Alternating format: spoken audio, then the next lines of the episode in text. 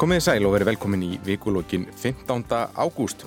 Þetta hefur verið viðburðarík fréttavika, stjórnvöld og almenningur held áfram að að ná böndum á faraldrinum sem komst aftur á flug eftir hópsmitt í júli. Í gerð tilkynnti fórsættisráður að hertar aðgerðir við landamæri landsins frá og með næstu viku. Þá þurfa ferðamenn sem koma hinga til lands að fara tvívegis í skimun og vera í fjögura til fimmdaga sóttkví. Ígildi þess að vera að vera sér að loka landinu, segir ferðarþjónustan. Þú maður ræða þetta og fleiri máli þættir um í dag. Hingaði hljóðveri eftirleiti eru komin þau Guðmundur Steingriðsson, pislahöfundur á frettablaðinu og Ingi Björg Ólafsdóttir varaformaðar samtaka ferðarþjónustunar og hótelstjóri Radisson Blue Saga Hotel eða Hotel Saga eins og, eins og við þekkjum. Og Norður og Húsavík er Atti Þór Fandal, forsvarsmaður gemvísinda og tækniskrifstofu í Ísland sem já, býður átækt eftir að geta skotið eldflöguloft. Við heyrðum bara í fréttum hérna rétt á þann að það tókst ekki í morgun. Allir fyrir já, þá, þá sem eru kannski bara nýkomnir og sumafrí og hafi ekki heyrt af þessu. Hvað, hvað stendur til hérna fyrir Norðan? Já, við erum hérna á, á Þósla. Já, fyrir ekki. Já, við setjum hérna í eldhúsi sem var búin að setja blíkitið stúdíu fyrir okkur. En það stendur sérst til að skjóta upp uh, tilurna eldflög. Hún fer, mun fara um þetta með 30 km upp og markmiði, þetta er fyrir hand fyrirtæki sem heitir Skyrora og þeirra markmiði er að, er að þróa svona mjög skilvirkar og, og, og flottar eldflögar sem að munu að lokum flytja gerfitungl Einmitt. Og það er hérna hópur af fólki sem bara býður átækta eftir að, að fá hagstætt veður. Já, það er nú svolítið þannig með þessi skot almennt sko að þetta er hérna, þeim er yfirleitt frestað mörgum sinnum en Já. í dag voru það sagt, svona milli hálóftavindar, þannig að segja sérst, læri, það er, mjög, það er rosalega gott veður á skotstað en þeir, við þurfum náttúrulega að tjekka talsveit áttu hmm. og við heldum bara ekki rétt að að gera þetta í dag, Nei. við reynum aftur á morgun. Já. Hvað er þetta svona stort fyrirtæki í kringum eitt svona gott? Hvað, hvað kofa margir að þessu? Það er svona cirka 20 manna tækniteimi frá fyrirtækinu og svo eru við hérna frá kemist á tækniskriftstofunni með þeim og svo er uh, hópur frá aðarstöðunum líka, en þetta sé ekki hvað, 30 manns sem eru á staðnum, Já. en auðvitað hérna vinna 150 manns hjá Skyrora og þar býða allir bara spendir. Mm -hmm. Skulum koma kannski aðeins aftur að Skyrora og, og þetta gemisind og tekniskust á Ísland síðar í þettinum, við ræðum kannski nýsköpun og, og, og fleira. En byrjun á máli málana, Ríkistórnin tilkynnti gær aðgerri til að ná aftur böndum á COVID-19 faraldrinum. Viðtakasta aðgerðin, eða svona hertasta, eru þessar reglur við landamærin um, þar sem allir sem koma hinga til lands þurfa að fara tvívegis í skimun og í fjögura til fymta sótkví á millið þeirra Jóhannes Þór Skúlarsson, frangvöndastjóri ykkar Ingebjörg, uh, hann var ómyrkur í máli í gerð, hann sagði að hér er einfallega bara verið að loka landinu og fórna að ferða þjónustunni. Er, er þetta svona? Já, þetta er svona. Uh, þetta er algjörst rótök fyrir okkur og uh, sko að því það er alltaf talað um ferðarþjónustunni, hún alltaf tengist inn í samfélagið allt mm. og þjóðfélagið, þannig að þetta er ekki bara rótök fyrir ferðarþjónustuna. Við kannski kannski vorum við vongóða því við vorum búin að heyra í, í sótverðarlækni tala um það að við þyrtum að lifa með þessari veiru og, og það, það er ekki nema lítið hluti af smitum sem, sem er hægt að tengja beint til ferðamanna. Mm. Hinn smitin er að koma frá, frá Íslandingum eða fólki sem er tengt að öðru leiti hérna inn í samfélag. Íslandinga. Þannig að þetta voru vonbreiði, mikil vonbreiði. Það höfðu verið þessar umræður í vikunni á undan þar sem hagfræðingar hafðu gaggringt uh, þessar tilslaganir sem voru, voru í voru eða sumar og, og töluðum að ferðarþjónustan hefði fengið að ráða á miklu. Sko landið hefur aldrei verið lokað mm. þannig að þegar það verið að tala um það að, að landið hafi verið opna 15. júni, það er bara ekki rétt. Þá var í rauninni farið að setja svona ákveðin já, kannski freka bara á, ákvæmlega leifinningar um, ymitt um skimunina og hvaða löndum ættu koma inn. Mm. Fram að þeim tíma þá, þá allir sem gáttu fengið flugfart til landsins, þeir komið hingað inn réttir. Mm. Þannig að ég bara líka veldi fyrir mér sko hvernig, hvernig verður svo framtíðin. Þetta, þetta gildir í ákveðin tíma og svo opnum við land, landamærin og það koma aftur upp smitt. Ég held þessi óvisa sé líka verulega slæm og alls ekki bara fyrir ferðþjónstuna, heldur bara fyrir okkur öll. Mm. Guðmundur, hvernig, já, þú er, ég veit ekki hvort þú horður á, á fundinni gerðum og mantilega sé fréttir, mm. hvernig, hvernig líst þér á þessar aðgerðir? Um, það slá mig ekki vel. Ég hef hérna, mér hefur uh, allt fundist mjög skynsanlegt hingað til og verið og bara hundist ég skilja þetta mjög vel hver, hver öll skref sem eru stíin en þarna, núna misti ég aðeins þráðin um, sko það byrjar með þessari umræðu þessum hagfræðingarnir fóru að skrifa Gilvi og Tinna og Þórólur og Guðrún Jónsson og fleiri. Og það var einmitt þetta sem ég skildi ekki allir það sem þau voru að segja að þau töluði og landi var í opið. Landi var ekki opið það var, voru aðgerðir á landamærunum sem var ákveðið 15. júni allir skemaðir, ég menna það er ekkit það er ekki einkenni á, á heilbreyðu opnu landi að þessi pota prjóni upp í nefið og öllum sem koma til flugstöðarinnar sko. það voru sérstakar aðgerir og mér fannst það er mjög skinsamlegar þetta var einstæmi að land ákvaða að skema alla og mér fannst eins og að það væri samljóðanbjörnum það að þetta væri sambarilegt eins og fólk væri að fara í sóttkvír og síðan var ákveðið að skema suma tvísvar sem væru lengur. Og Þórólfur sagði, Þórólfur okkar sem ég hef bara búin að ákveða að hlusta alltaf á, þetta er svona skinsamlegur hann sagði hvað þetta er annað uppsingaföndum og þetta væri að gefast mjög vel. Mm. og ymmit það að þetta væri leið sem við hefum hannað til þess að varðveita ferðarfrelsi, ég vil tala um það bara ekki bara hagsmunni ferðarfrelsinu þetta er bara eina grunn geðunum að búa á þessari eigu að geta farið af henni Um, þannig að hann sagði þetta gengi mjög vel og við hefum einmitt fundið leið til þess að hleypa fólki inn en stöðva veiruna mm. og ef við hefum haft opið land í skilningnum bara allir möttu koma og, og ekkit verið að pota nefnum prjónip í nefa fólki, veist, þá erum við hérna með 50 stopna veirinu græsrendi í samfélaginu. Þannig að núna græsir er ein veira. Hún hefur náða að smita 120 mann, svo erum við að ná tökum á henni. Það er einn og menn herða núna aðgerðinar og segja samt að þessu ekki að lofa vírusleysi. Mm. Þannig að þá skilja ekki alveg markmið. Ef, ef við vorum hérna með aðgerðir sem náðu því markmiði að stöðuva vírusin, stöðuva 50 tilvik og á einmitt hátt sem að flesti voru sáttir við held ég. Myndaðist bara, og við meðum alveg verleika það, verleika sáttina eitthvaðs. Uh, og ein veira slappinn með þessum afleggingum var það þá ekki bísna góða fyrir með við ekki leggja mat á hana mm. og með við ekki bara halda henni áfram og hvað ætlum að fá meira með þessari fyrsta vírusleysi er ekki bóði mm. þannig að við erum að nú mættu hagfræðingar alveg meta það hvað eru að fá mikinn ávinning með því þegar við fáum kors sem er ekki vírusleysi mm. Alli, hvernig, hvernig slóta þig? Já, sko Ég, ég er nú svona svolítið á sama stað og þau, ég hérna, hef verið mjög ánægð með þrýekið og, og þeirra ráðleggingu, ég hef þetta áhyggjur af því ef að, ef að það verða sko, mjög harðar kröfur um að koma hérna, það hefur svolítið áhrif auðvitað á okkur en það hefur líka bara áhrif á Ísland. Ísland er ofsalega lítið hérna hagkerfi og, og við reyðum okkur á að vera opið hagkerfi og það og þetta líka við um, um ferðarfræðsið en, en hérna ég eh, svona treysti mér ekki til þess að algjörlega sko segja bara að þetta sé hérna ránt eða ofhart eða kannski að landinu sé algjörlega lokað sko mm. en, en hérna en, en sko og varandi ferðarþjónustu, ég meina það, það tala svolítið eins og ferðarþjónustu að sé nánast eitthvað sem að séu bara flóðgarðar utanum sko og hérna þannig að hagsmunir þeirra séu bara algjörlega hagsmunir hérna ferðarþjónustu en ég meina það eru sko þorp hérna við út um all land sem að hérna reyða sér verulega á þetta, við erum, þetta er risavaksinn hluti á okkar,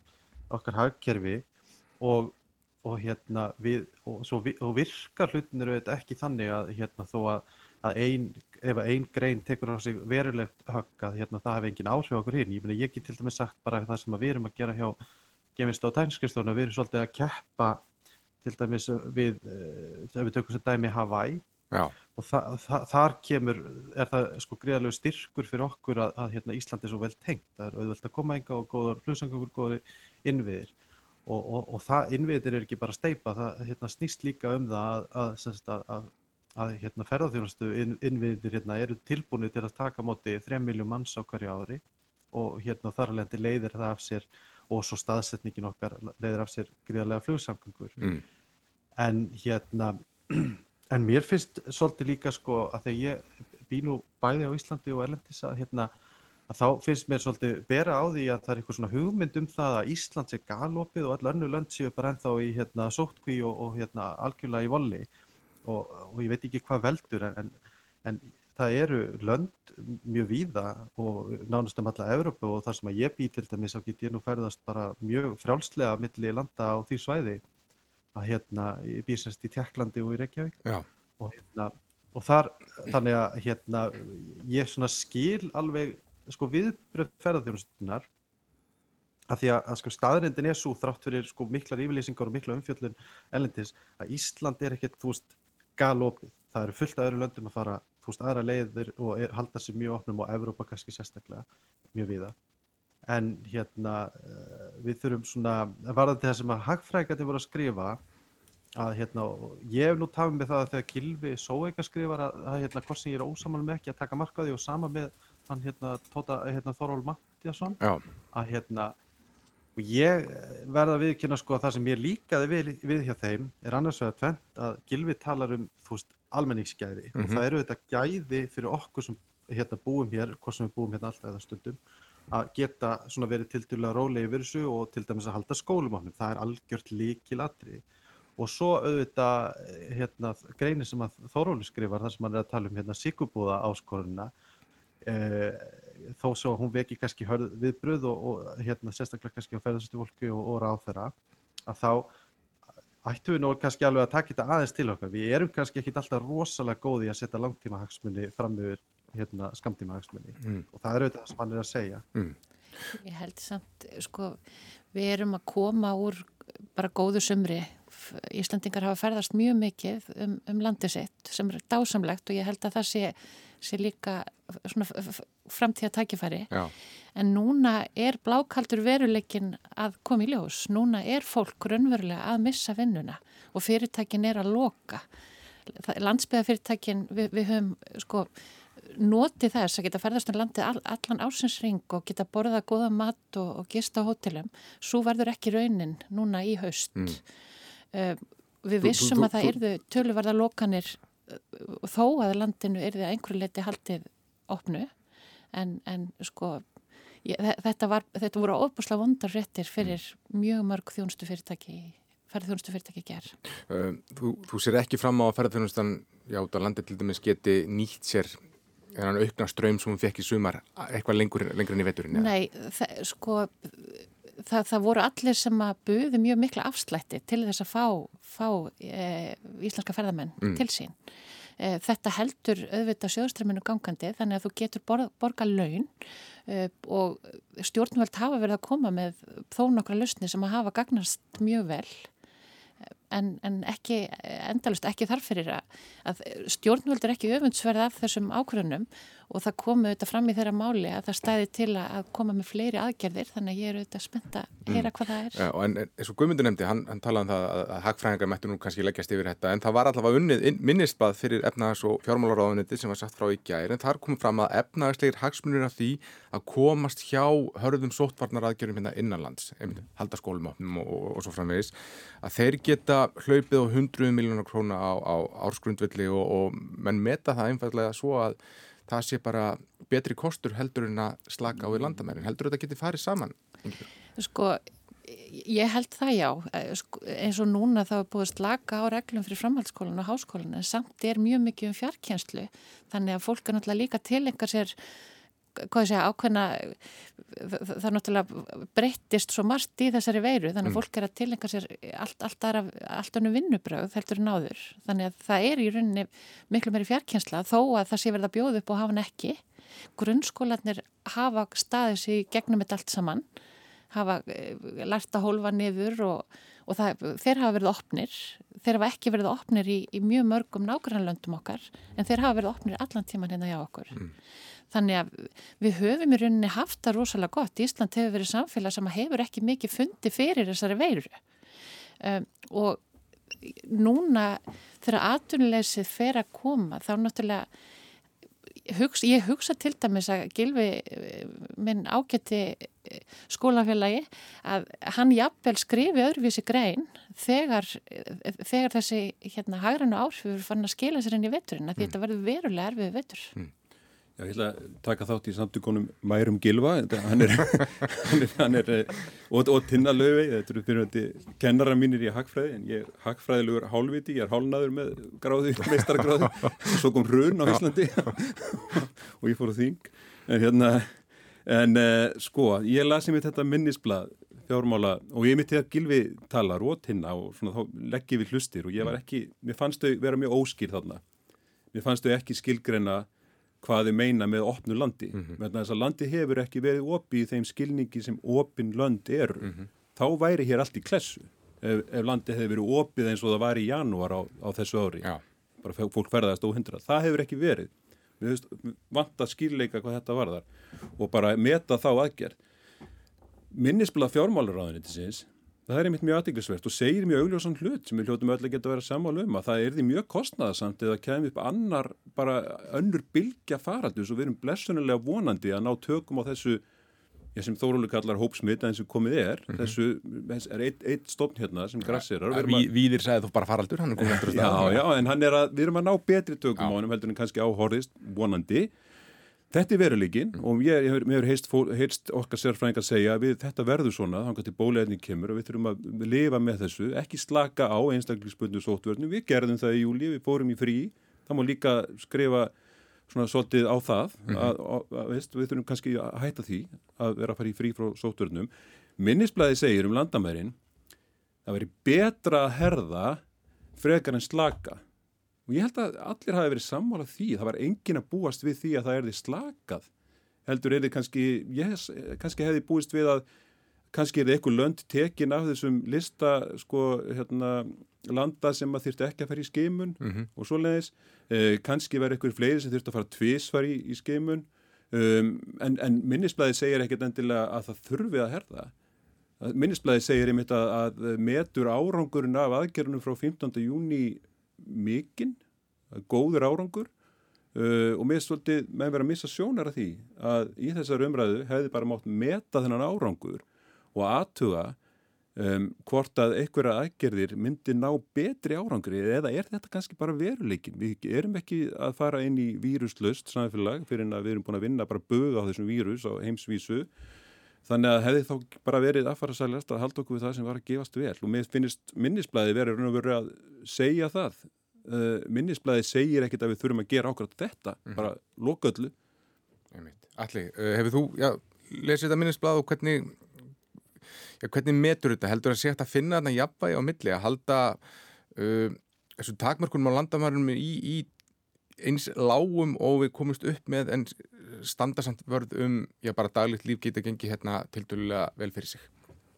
Ég meina, það er staðar, það er verkefni sem við þurfum að leysa, þannig að það, það verður ekkert annað mögulegt. Vegna þess að það er svona stundum vottaræðis fyrir því að, fólk haldi líka að vírusin hérna komi bara ef þú hérna ef þú ert ekki með landið alveg bara gjörsanlega að loka, en við þurfum að finna einhvern veginn leið til þess að eh, ná sem mestum árangri. Mm. Það er bara, það er einu sem við getum gert, ég og það er ágætt að þó að það séu þetta skrítið dæmi að nefna, ég meina þessi vírus hefur valdið miklu musla í Norður Kóru og það er ekki mjög opið land en þeir eru auðvitað hlýðin á hérna nálött öðrum ríkjum. Um mitt og svo náttúrulega nýja sér á land, það var náttúrulega var áfall þar eftir, eftir 102 daga. Sem... Og mér finnst líka eitt í þessu sko, mér, að, mér finnst þetta með hagsmunni ferðarþjónustunar og svona, að mér finnst það að vera verkefni stjórnmálumanna að hlusta á sem flesta hagsmunni og reyna að taka hérna síðan ákvarðanir út frá því að mér finnst ekkert að því að hlusta á hagsmunni ferðarþjónustunar sérstaklega ef þetta er stæst aðtungrinn á Íslandi og mér finnst það bara, mm. á hagsmunni ferðarþjóðstuna eins og það sé eitthvað sem nefn að slá sér til ryttar yfir mm. sko sjáu því, nú erum við ekki að hlusta það er bara, það er ykkur öfumæla stjórnmál að mínu viti, en við erum að reyna að, ná, eh, að taka ákvarðanir sem svona halda þessu í góði jætnvegi og reyna að sem, minga skadan sem mest mm. og mér veist ég að við tölum um eh, ferðarlög til og frá landinu þá finnst mér að vegum að vika það líka sko, þetta eru líka ákveðin grunngæði þetta eru ákveðin, við vegum að fara varlega í að skerða réttindi, ferðarfrelsi er réttindi og við erum hérna að skerða þau. En á þessum tímum þá er maður reyðbúin að láta skerða alls konar réttindi sín í þáu þess að ná árangri mm. og á grunni mjög góður á skiljanleira raka. Og hér finnst mér við vera vaða frekar rætt í það að skerða, þessum, skerða eina af þessum réttindum og því miður með ekki nógu góðum rökum. Og ég óttast að það hérna það sé svona svolítið slæmt hliðaspor í eh, annars mjög góðu hérna, uh, annars mjög góður í meðhandlun á þessari veri á Íslandi. En nú, nú kemur fram að, að það sé verið að grýpa til svo hardra aðgerða víða annar staðar að, að skaðin af þessum aðgerðum er ekkert jafn mikið og að mæri almennt. Já, ég rendi nú aðeins yfir þetta í gær bara hjá, hjá hennum ymsu löndum Já. og við erum að ganga miklu, miklu lengra heldur en, heldur en flest önnu lönd og kannski mitt aðtilsvert að benda á, á Norður Kóru og Nýja Sjáland sko, sem eru búin að vera harra lókuð. Um, við höfum verið að ferðamennir sem hafa verið að koma til okkar eru vissulega þessi ferðamenn sem hafa losnað við skipun. Það eru danir og þjóðverjar og, og, og normenn. Uh, sko smittin sem að hafa komið í gegnum þessa ferðamenn sko þau eru svo fá, svo rosalega fá að, og auðvitað getur maður ekkit eins og við tölum kannski um hérna fram á þann ég meina við vitum ekkit hva, hvernig þessi veira fer í fólk mm -hmm. og, og hún verðist alltaf að hafa áhrif og suma endalust eh, en það er alveg sama sko við getum ekki lifað í samfélagi þar sem að þar sem við búum bara við stórfælt atvinnuleysi og, og fyrirtækinn fara á höfuðið bara hérna í umvörpum. Mm. Þa, það gengur ekki. En hver er bara staða núna um mánamótinni mitt? Að bara nú er hlutabótaleðin að renna út og hva, hvað blasir við hjá, hjá fyrirtækjum til dæmis í ykkar samtökum? Já það er náttúrulega blasir við að sko, lang flestir eru að vinna uppsögnina sína mm. og, og, margir mistu vinnuna núna um mánuðamótin síðustu og og afgangurinn vantarlega næstu mánuðamót. Svo reyna allir að endur á það það sem hægt er. Og það verður ekki, ekki mikið um endur áningar og ég hugsa að verður líka endur skoðað. Það voru einhver hótel sem voru að opna í Reykjavík, við erum búin að sjá stíganda í, í nýtingu, vissulega ekki ekkert skemmtilega tölur, við erum komin upp í 20% í Reykjavík í, í nýtingu. En það er sama, þetta er stígandi frá því í april og fólk var farið að sjá fyrir sér kannski að, að svona einhver, einhver, svona pínu bjarta tíma En, en það er ekki núna. Nei. Núna þá er þar bara fólk að setjast niður og, og taka ákvarðanir, mínir kollegar. Hmm. Og uh. það er strax núna. Við fekk í morgun skeilabóðið mitt frá, frá kollegum mínum og, og það er bara núna strax eru ábúkanirnar að dett inn. Hmm. Ég held að kemur nú kannski ekki fyrir en eftir helgi þegar fólk fær að melda þetta en, en þetta er bara veruleikin. Mm. Unnur Sveristóttir hjá Vinnumálastofnun, hún segist ekki törf, uh, til að þörfa að framleika hlutabótaliðina þess að það fáir að, að, að þeim að fækka svo mikið sem er að nýta hana, hvernig, hvernig myndið þú það? Ég sko, ég held að það sé alveg rétt að því að hlutabótaliðin hún er mjög góð ef að þú serð fram á það, þú getur endur að fólkið, eða semst að þú getur haldið henni gangandi einhvern ákveðin tíma mm. en á einhverjum tímapunkti að þá þarftu að taka þá ákverðuna að segja upp fólki ef að þú serð ekki fram á að viðskiptin eru að eflast mm. og þá fyrir á fyr, fyrra ráningasamband og þá ertu komin í þryggja mánuða uppsökn og fullum launum og, og orlof og þessi fyrirtæki í færðiðjónustu eru, eru sko með 10% af tekjum sem við hefum haft undarfæri nár og það, það stendur ekki undir launakostnaði. Mm. Um, Vinnumálastofnun spáir tæplega 9% atvinnuleysi í þessum á næsta mánuði. Það eru um 17.000 algjörlega ánvinnu, um 4.000 nýta hlutabótaleðina, þannig að þetta eru 21.000 manns. Allir þú varst nokkuð gaggrinnin á þá aðferð ríkistjórnarinnar að, að að greiða sem sé hlutabóta, að fólk geti fara hlutabótaleðina á uppsagnarfresti. Um, hvað hva, hva tilur að væri rétt að gera í þessar stuðu?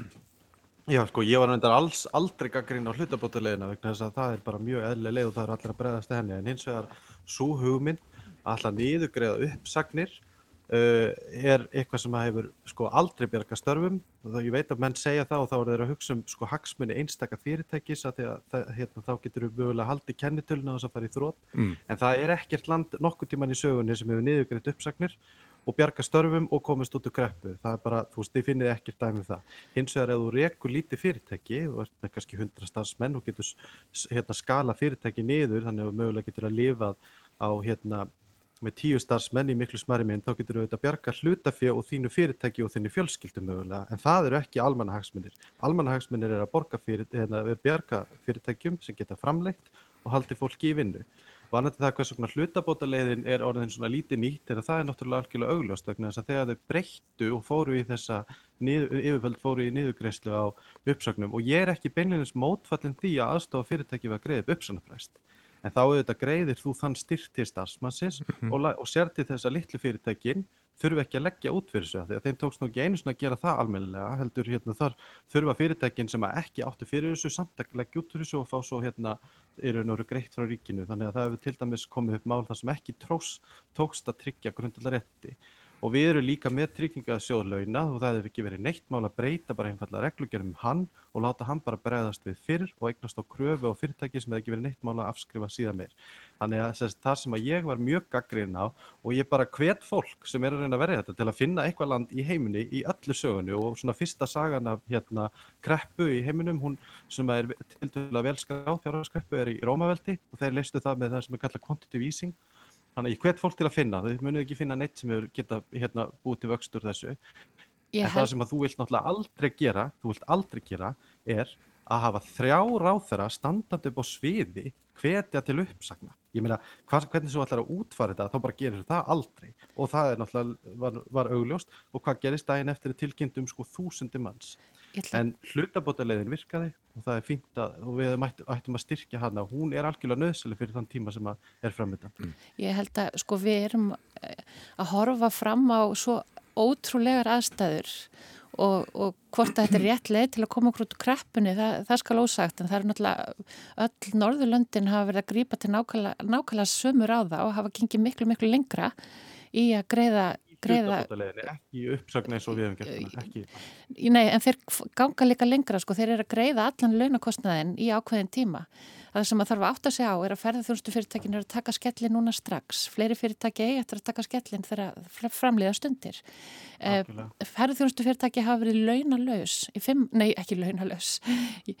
Hérna, þau hafa verið tekjulaus Já. í fimm mánuði og þess, þessi leið með, með aðstóð í uppsögn hefur gert fyrirtækjum kleift að klára ráðningasambandið við stafsmennina sína sem þeir ella hefði ekki geta gert vegna þess að fyrirtækin hefur farið í þrótt fyrir og það er ekkert grín að sækja launin sín í þróttabú. Þannig ég er ósamála því að þetta hafi verið slæmleið að því að þú getur ekki endalust framlengt hlutabótaleðina með harðlokað land og starfsmenn á, á launum á einhverjum tímapunkti þá verður að taka þennar slag. Bara í mínu fyrirtæki þá vorum við 120 um áramótin og við erum 25 núna. Mm.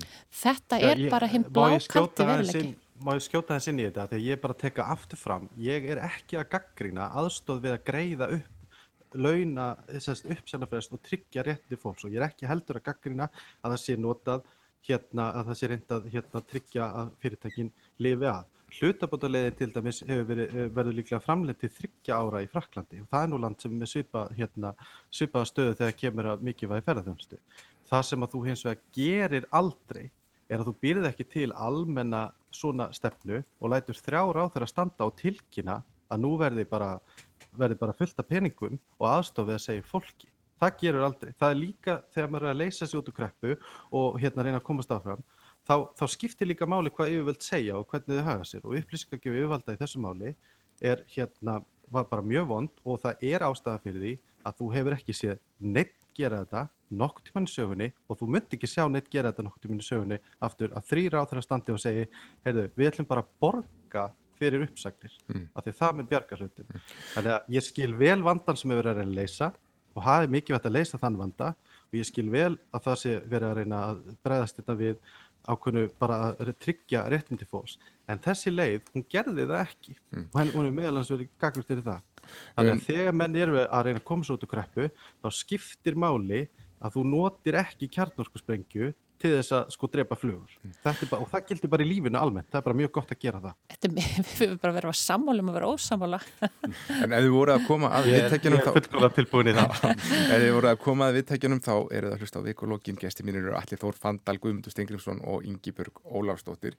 Um, Ástandi mun líklega vestn eitthvað áður að batnar Guðmundur og við horfum kannski fram á hækkandi atvinnuleysi og þá snýst umræðan það ASI vill að grunn atvinnuleysisbætur verið hækkaðar samtök atvinnulífsins að ja, það dreyður til úr kvata til þess að finna sér vinnu. Um, verður þetta ekki næsta svona stóra málið að, að, að það verður mættilega tekist eitthvað á um þetta? Jú, ég, ég hugsa það. Ég hugsa kannski fyrir að sykla inn í skeið þar sem við sættum okkur við í vetur að þurfa að lifa með veirunni svona út frá heilbriðisjónamiðum eins og talaður um sko og kannski kemst súumræða á okkar svona játnvegi og við áttum okkur á því að við getum ekki farið frí frá sótvörnum og svo leiðis og við fyrir meira yfir í kannski umhverfið sem svipar bara mjög til í stórum dráttum umhverfiðsins eftir efnarsunni. Að við fyrir að horfa á þessi gæltrótt og hvað við ætlum að gera. Og við erum þegar, við náttúrulega erum með verkvarakassa sem er eins og, og hlutabótalegin sem er frá efnaðarsunnu sem við gátum greipið til núna og e, við erum með betri stöðu, ríkisjóðs, betri stöðu ríkisjóðmála, við erum með stærri gældir í svara forða og, og við erum í allan hátt í blessunarlega í góðri aðstöðu til að, til að taka stáfið hérna, aðstæðandi vanda sem betur fer.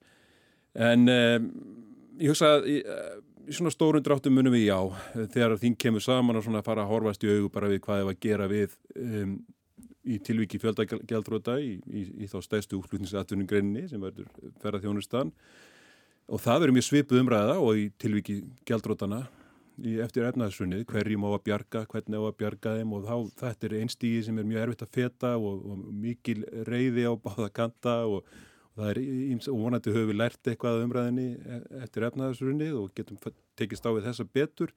Sem mjög mikilvægt að hafa í svona tímaböndum erfileikum skýra sín til framtíðar hvert við stefnum reyna að mynda samhljómum það að þetta eru tímaböndir erfileikar að öllum líkindum og vonandi og, og reyna að mynda samhljómum það og það var talsur vinna að fara í það við efnaðarsrunnið mm -hmm. sem kannski tókst ekki en þó var reynd að mynda eitthvað svona samlega með það hvert við erum að fara og að það myndi hjálpa mikið til núna mm. uh, setja pening í nýsköpun reyna að halda ferðarþjónustu fyrirtækjunum gangandi en þess að það verða að vera til staðar þegar þessu slotar öllu við erum að hanna þessa leiður og það verður að fara fram mikið samtali í þjóðfélaginu. Erum við, er, er við í þessi stöðu að við erum að býða þetta af okkur eða einfallega bara að hugsa dæmið upp og nýtt og segja, herru, við skulum bara fara að gera eitthvað annað Ég held að það er ekki til mikillar sáttar.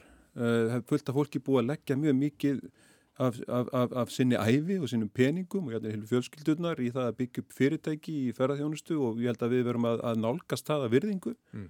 og hérna, reyna að hjálpa því fólk getur náttúrahamfarir fyrir, fyrir stóran hluta atvinnulífs á Íslandi og veist, að, það sá ekkit fyrir og, og, og, og ber ekki söka á Þannig að við hefum ekkert að fara í einhverja fingrabendingar eða eitthvað að fara að nota tækifæri til að losna við einhvern, einhvern yðnað.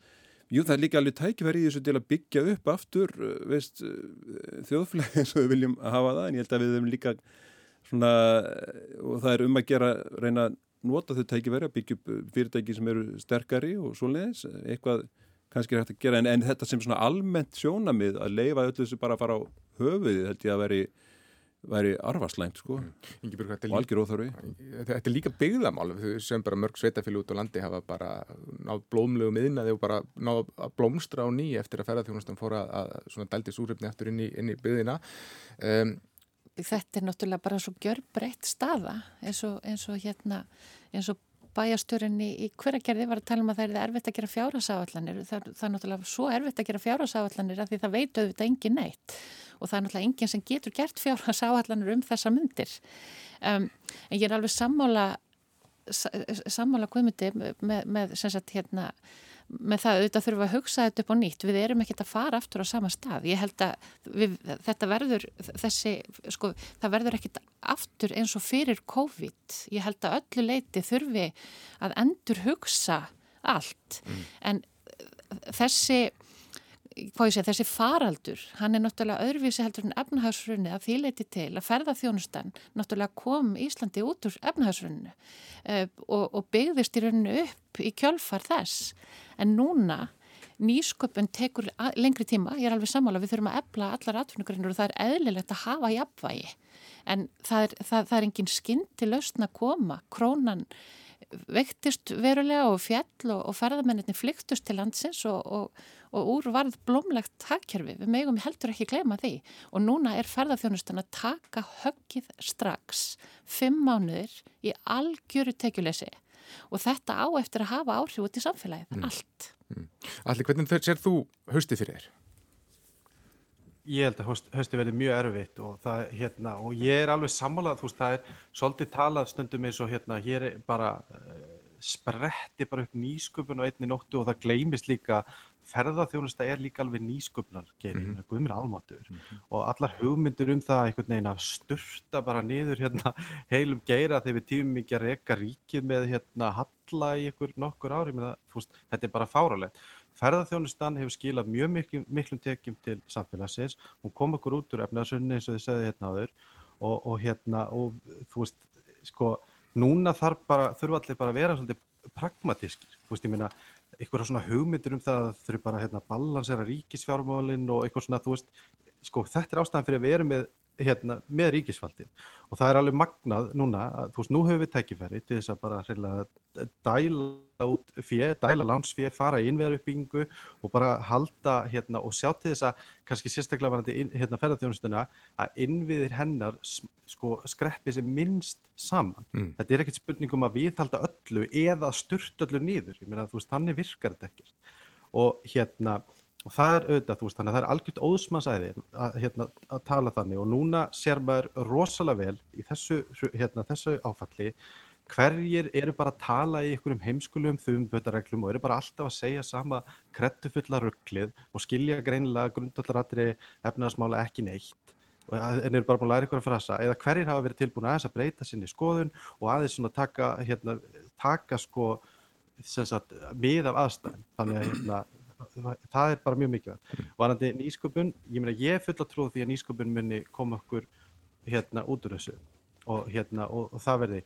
En, en sko við erum núna að hugsa um heimitt haustið og núna eru, verður stór hópur af fólki sem mun detta inn á atvinnuleyskrá það hefur ekki verið viljið til þess að hérna, hækka til dæmis atvinnuleysbætur og, og einhverjar hugmyndur um að það sé svo vinnjuletjandi, ég meina við erum í framlegslu krísu, ég meina það er ekki, þú veist, engageirinn hefur ekki getu og mun ekki hafa getu í einhver tíma til þess að hérna ráða fólk, þannig að þú veist, akkur ættu að vera að búa til einhverja kvata til að fólk vilji, ég meina, hvaða ruggl er í gangi, ég meina, Íslandingar eru, eru vinnusamt fólk og við búum hérna við, þú sko, hugmyndum það að vinna sér velferð Þannig að það er ekkert eitthvað stórkoslegt vandamál að allir vilja bara leggjast hérna á jötuna þegar það sérstaklega er ekki neitt í gangi. Þannig að það verður að hækka aðtunleysbætur til þess að halda hérna fólki í gangi og sjá til þess að það verður ekki til hérna bara ónýtt fólk af því að það tekur mjög stuttan tíma. Mm -hmm. Fyrsta árið er gríðilega mikið og eftir þrjú ár þá ertu bara í stórkostlega vandræðum með að halda uppi framleiðslu getu og bara hérna að fólk geti lagt eitthvað til. Uh,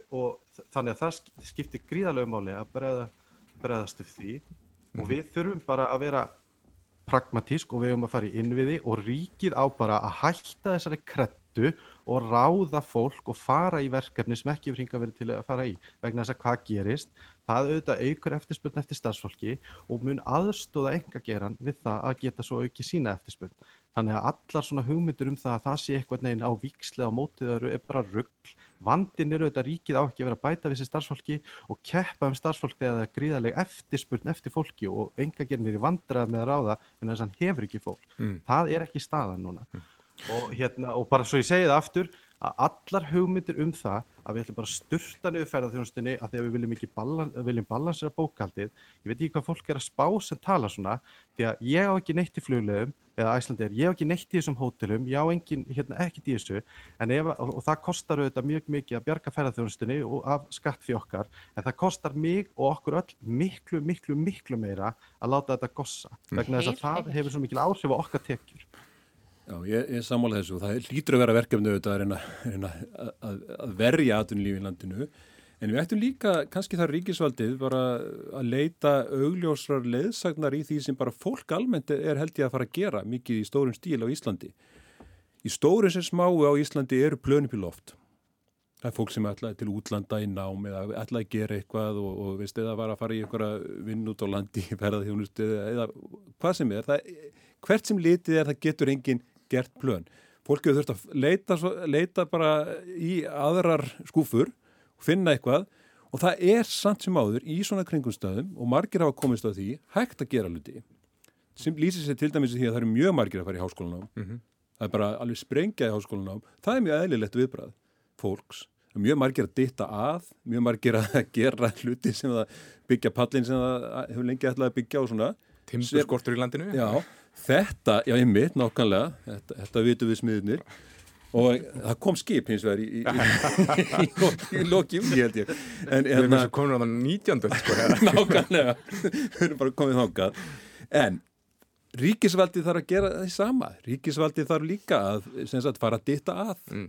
menta sig, mm. gera áallanir gera plön til framtíðar, vinn í síninni uh, og ég held að, að hluta því sé að, og bara til að gríðarlega mikilvægt með þessu hösti þegar við veist, erum hérna í þessu kói að ebla fólki von og tala um það hvert við ætlum að fara. Það mun reyna miklu meira á pólitíkina núna. Mm.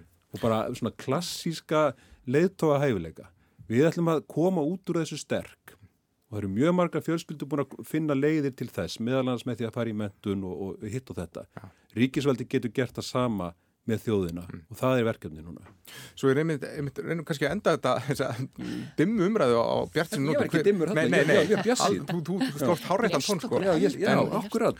En hver, hver er, er einmitt tækifærin? Bæði ferðarþjónustu, þar er hugvitsamt fólk, duglegt fólk og eins með menningageiran sem er í mikilli óvissu núna þessa dagana, þar er, er nú aldrei hugvitsamt fólk. Hva, hva, hver eru tækifærin? Já, þegar stórt er spurt, mm. sko Já, leistu þetta. Ég leik bara hættur og tíu. Sko það eru, það eru auðvitað endalust tækifæri. Eh, sko ef við tölum um ferðarþjónustuna, því að það er nú kannski svona svolítið mín sérgrein, að þá e erum við með svo óbúslega mikla innviði að við þurfum að há erlendum ferðarmönum að halda bara til þess að geta en, en tækifærin sko hafa kannski sínt sér svolítið að sjálfu sér að því að að að ferðarmennir sem hafa verið að koma núna eftir þetta, þetta eru ferðarmenn sem að sem voru svona svolítið eins og í gamla dag mm. sem að mæta með gunguskona og, og, og bakpokana og, og fara um fjöll og fyrirniti og ferðast miklu meira um, um allt landið og það er kannski það sem að, sem að við höfum alltaf verið að vinna að og verður áfram að það er að, það er að dreifa ferðarmennum um landið uh, einhver önnur tækifæri fyrir öll þessi hótel þú veist hvað við töluðum um áðan ef að breyta þessu allir heimavist eða, eða íbúðir eða, eða, eða hvað þau var að gera, þetta er óbúslega mikið af hótelum mm. Sem að standa bara auð og þau er ekki að fara að fyllast í bráð. Ég er ekki með patent lausn á því Nei. enga. En, en ég held að, að að því vorum að tala um það að ríki þurfti að spýta í lóana sko, það, það, það er ábyggilega hægt að nýta þetta húsnæði í eitthvað, það þarf að leggja það þarf að leggja meira til í mentamálinn, við sjáum líka að yðingreinarnar, það eru að springa af því það er svo mikil eftirsóknu eftir að komast í nám þar. Mm -hmm. og það þarf að spýti í lóana þar og það er ábyggilega hægt að nýta eitthvað þessum innviðum ferðarþjónustunnar í, í aðstof við það. En það skiptir alveg óbúslega miklu máli að við höldum við þessa atvinnugrein sem kom okkur út úr efnahagsfruninu og, og látum hann ekki gósa eins og, eins og, eins og framkom Allir þú ert alltaf í nýsköpun að gera um hvernig, já hvað sér þú, þú fyrir? Þér hver, hver eru, eru sóknarfærin? Já sko, eh, það er alltaf núna þyrtu við mikið á því halda þegar við vorum að tala um að hérna, spýti lóana sko. það sem að Íslandingar þurfa að gera núna og nú er takkifært til þess vegna að það er sákveð slaki á störfum fyrir fólk. Við eigum að taka upp eitthvað svona eðlilegt nýsköpunar og frumkvæla styrtar kerfi, það er nú svolítið þannig á Íslandi og ég veit að kannski ekki vinsalt að segja það, en þetta snýst svolítið um það að þú lepur döðan og skil og það er svona svolítið dyrkun á því að borða núðlur og eitthvað, mm -hmm. en ef þú stopnar til dæmis fyrirtæki í Európu og hérna, og það sem að eh, þú ert oft með sko miklu minni kostna og þarf svona að mörguleiti að er hlutinir einfaldar þar, þar til dæmis er bara skema að það svo hérna frumkvælafyrirtæki geta fengið lán sem eru þá höfustóllin er ríkstrið, þú farðan án ábyrðar og bankati lánan út og þeir, þeir rukki ykkur að lámasvexti og það er það sem þeir þurfa að tapa ef þetta tapast.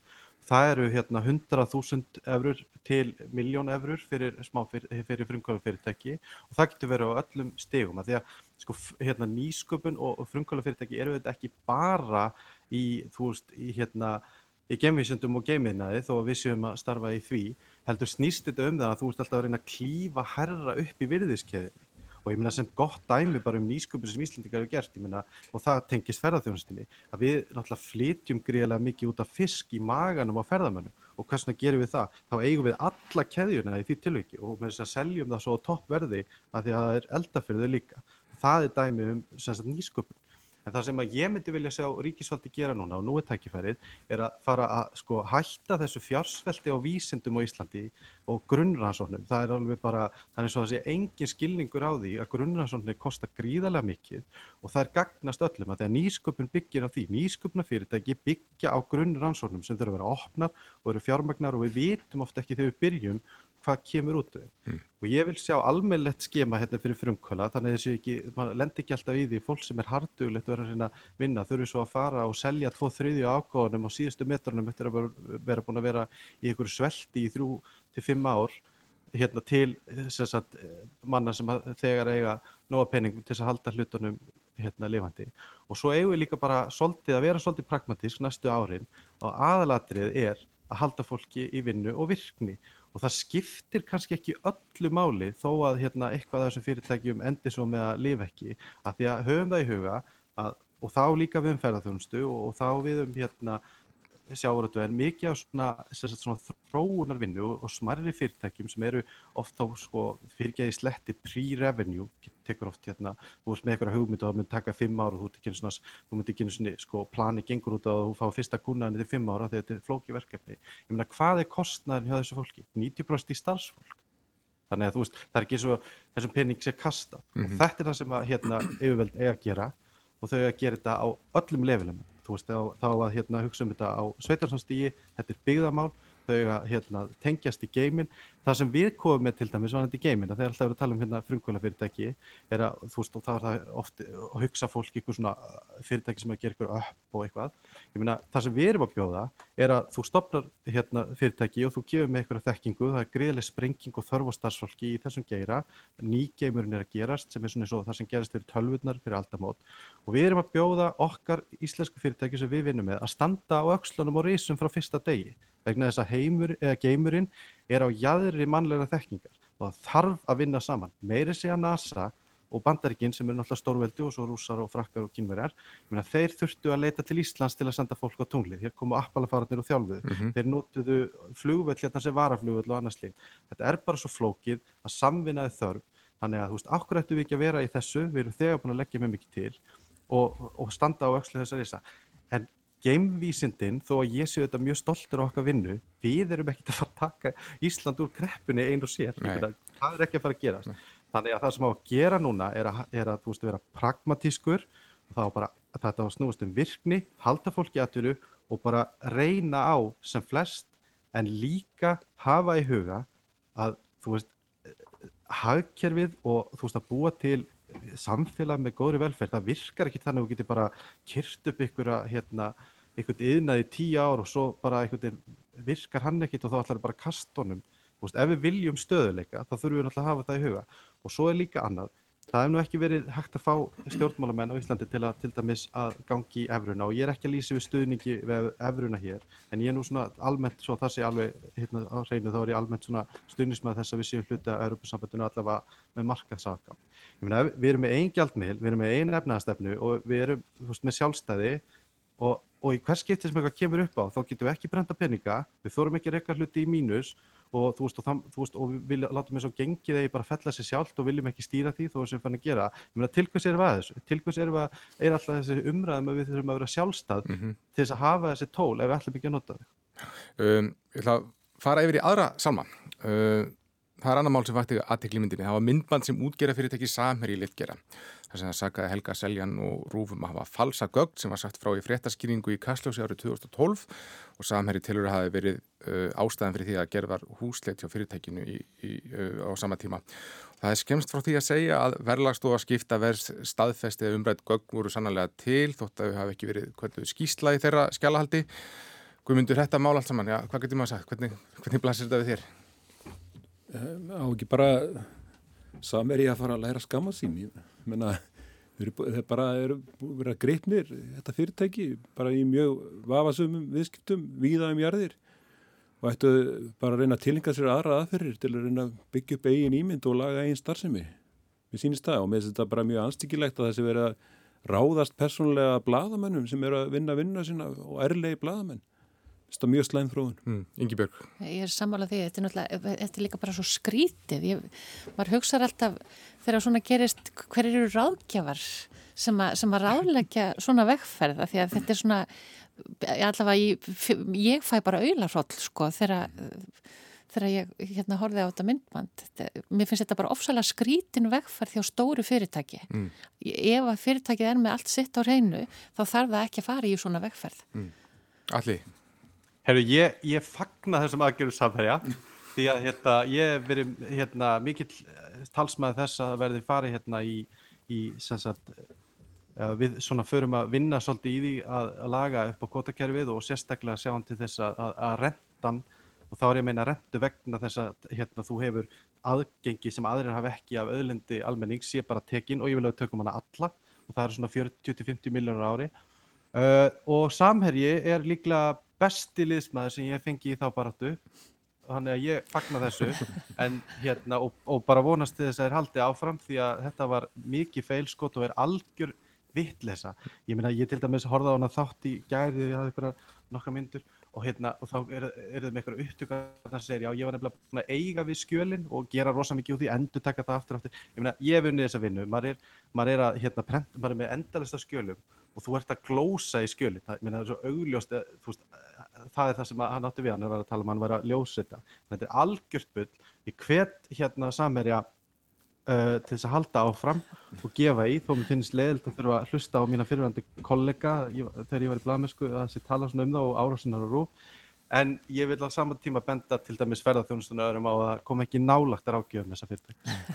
Uh, við skulum fara vestur yfir haf. Uh, Joe Biden, hann tilkynnt í vikunni að, að Kamala Harris væri, uh, er þið var að fórseta efni hans í, í fórsetakostningunum í, í november, hún er öldungadelda þingmaður og ef hann er kjöri þá er þið hún fyrsta konan til að gegna en bætti var að fórseta, en jáfnframt fyrsta manneskjan af afrískum og asískum uppbrunna. Guðmundur, hvernig líst þér á, á Kamilu? Færlega vel.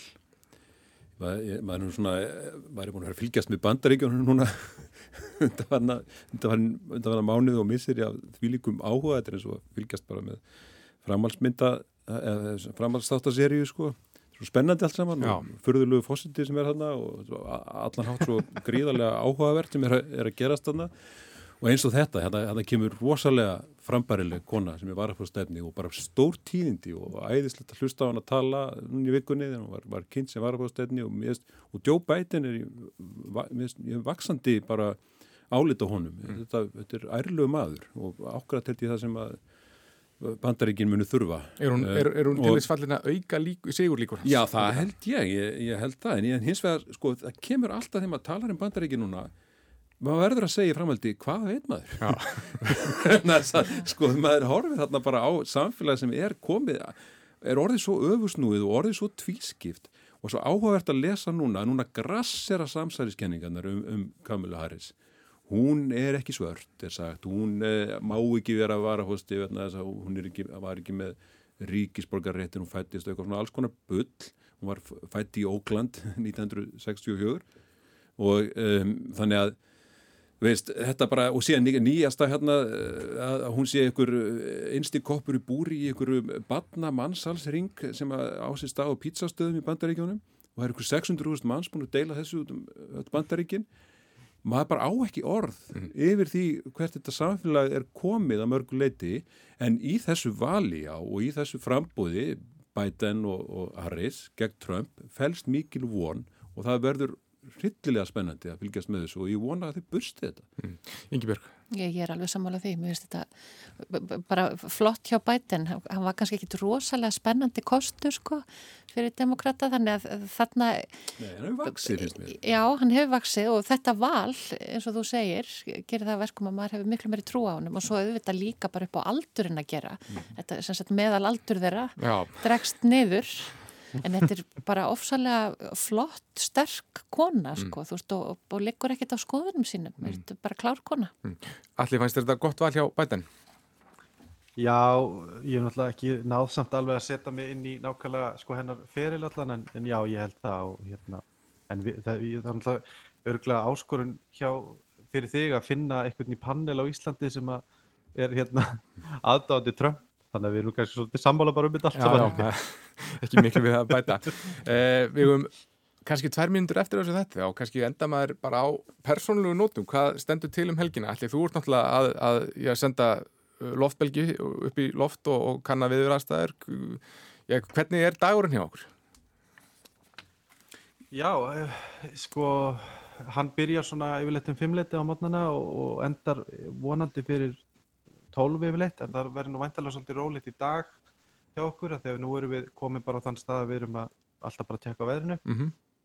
en hérna, þetta leggst eh, mjög vel í okkur og við erum ótrúlega stolt að að hafa getur fengið eh, svona fyrirtæki á svona skömmum tíma og ég, svo ég segi það því nú kannski búin að vera að tala hérna halvvilla um hérna, stjórnvöld og, og getur þeirra efnarsmálum að, að þá verður nú að segjast að, að það hefur verið ótrúleg ánægja að vinna að leifisferli með, með íslenskum yfirvöldum. Það tók sex mánuði sem að ég held sveimið þá að sé sko heimsmynd þó að, maður, þó að Íslandingar sögur þetta alltaf að lýsa yfir heimsmyndum yfir öllu en hérna að því að við, við, við samskona leifisferli hefur verið í gangi í tvö ár til dæmis mjög víða annar staðar og, og hefur ekki gengið eftir þannig að hérna uh, og sérstaklega ljósið þetta er í fyrsta skipti sem þetta er gert, Mhm. þannig að það var mjög ánægilegt sko að eiga það samstarf og samvinnu og svo held ég bara, ég satt að segja að ég er löngu hættur að geta haldið utanum hérna hérna dagatalmiti, ég get gefið ykkur yfir á Ölfu sem að vinnur hjá okkur og hún getur sagt hvað við erum að bara að gera. Einmitt. Uh, eru þið að fara að gera eitthvað skemmtilegra en að skjóta upp eldflög? Já, ég er að spája að skjóta upp geimflög, núna,